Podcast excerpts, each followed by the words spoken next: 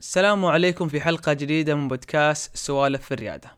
عنوان حلقة اليوم ثلاثة نصائح لتصبح ريادي مؤثر.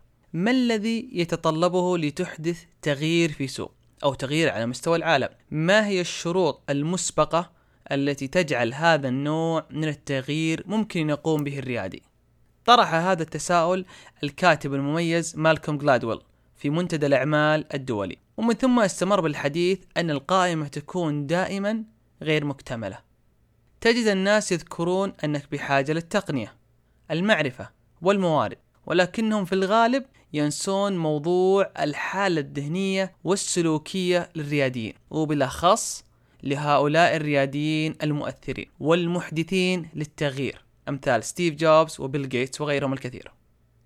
لشرح وجهة نظره استدل جلادويل في حديثه على قصة مالكوم ماكلين أحد أهم رواد القرن الماضي في قطاع الشحن والنقل في أمريكا.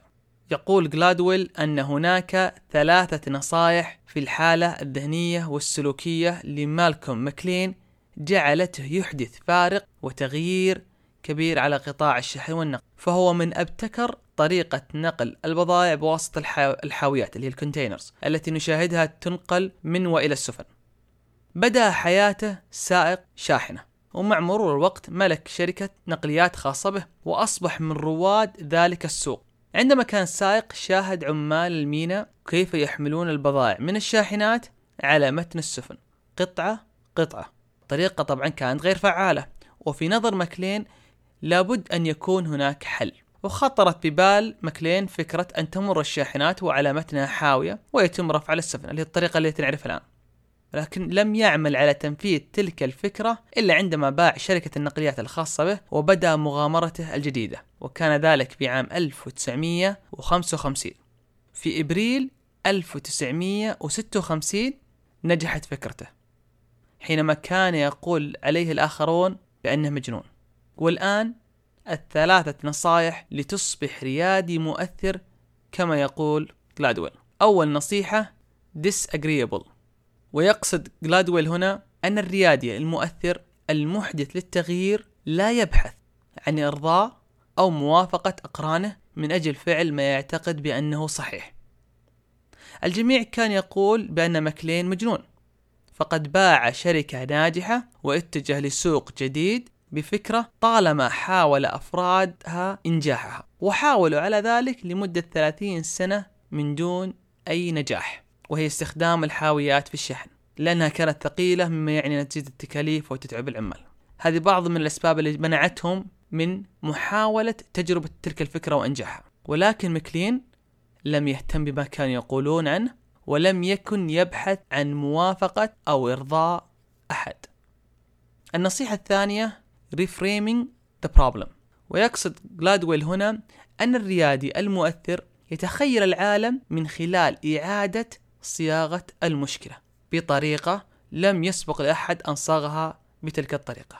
الجميع كان يظن بأن ماكلين لا يشاهد الصورة الشاملة لفكرته الجريئة ولكن على العكس تماما هم من كانوا لا يشاهدون الصورة الشاملة. فمن يعمل بالنقليات أو سكة الحديد أو المينا كان يبحثون عن حلول لتسهيل أعمالهم فقط.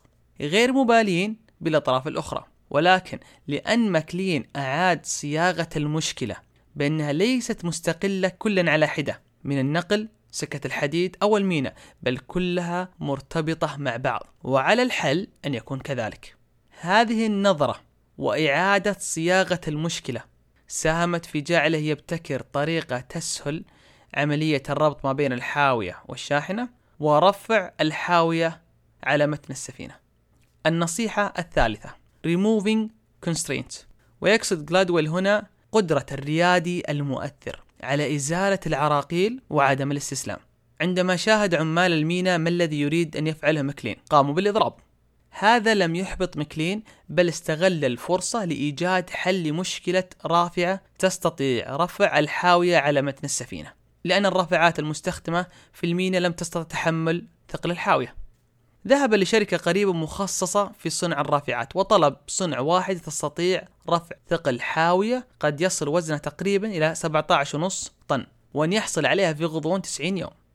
الشركة رفضت طلبه طبعا ماكلين لم يستسلم وقرر أن يذهب لشركة متخصصة بصنع الرافعات التي ترفع الأشجار. المنطق هنا أو منطقة بأن تلك الرافعات تقوم على رفع الأشجار المقطوعة ذات الوزن الكبير. لذلك من الممكن أنها تستطيع تحمل الوزن الذي يريد أن يرفعه. ذهب إلى الشركة سألهم هل بإمكانكم توفير رافعة تقوم برفع الحمل وأنا أستلمها في 90 يوم؟ الشركة أجابت نعم نستطيع توفير تلك الرافعة وتستطيع أن تأخذها الآن. لن يحتاج الأمر أن تنتظر 90 يوم. ويقول جلادويل سبب أن ماكلين أصر على 90 يوم لأنه يريد إنجاز الأمر لا يريد تعطيله.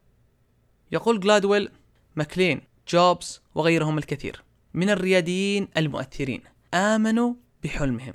ما ميز ماكلين عن أقرانه في تلك الفترة ليس المال أو الذكاء بل الشغف الذي حركه وجعل من أهم رواد الأعمال المؤثرين والذين أحدثوا تغيير ما زلنا نلمسه في حياتنا إلى وقتنا الحالي. تذكر الريادي المؤثر المحدث للتغيير لا يبحث عن رضا أو موافقة أقرانه من أجل فعل ما يعتقد بأنه صحيح بل يذهب ويختبر بنفسه. ثانيا الريادي المؤثر يتخيل العالم من خلال إعادة صياغة المشكلة بطريقة لم يسبق لأحد أن صاغها بتلك الطريقة. دائما اسأل وشكك بالوضع الراهن. لماذا الأمر على هذا الحال؟ لماذا لم يتم تجربة طرق أخرى؟ لماذا لم تنجح تلك الطرق الأخرى؟ دائما شكك ولا تتبع قول هذا ما اعتدنا عليه. فالابتكارات المؤثرة والمغيرة لا تأتي من خلال البحث عن الأجوبة لنفس الأسئلة التقليدية. فهذا النوع من التفكير فقط يساعد على تحسين الوضع الراهن. بينما السؤال والتشكيك لماذا يتم عمل هذا الأمر بهذه الطريقة هي حقا المحرك لابتكارات مؤثرة. ثالثا قدرة الريادي المؤثر على إزالة العراقيل وعدم الاستسلام. فهذه المواقف والعراقيل هي ما تختبر معدنك وحقيقة شغفك وطموحك. في النهاية لا تنتظر طويلا لأن تصبح ريادي مؤثر ومحدث للتغيير. ابدأ الآن. فالعالم دوما بحاجة لأمثالك.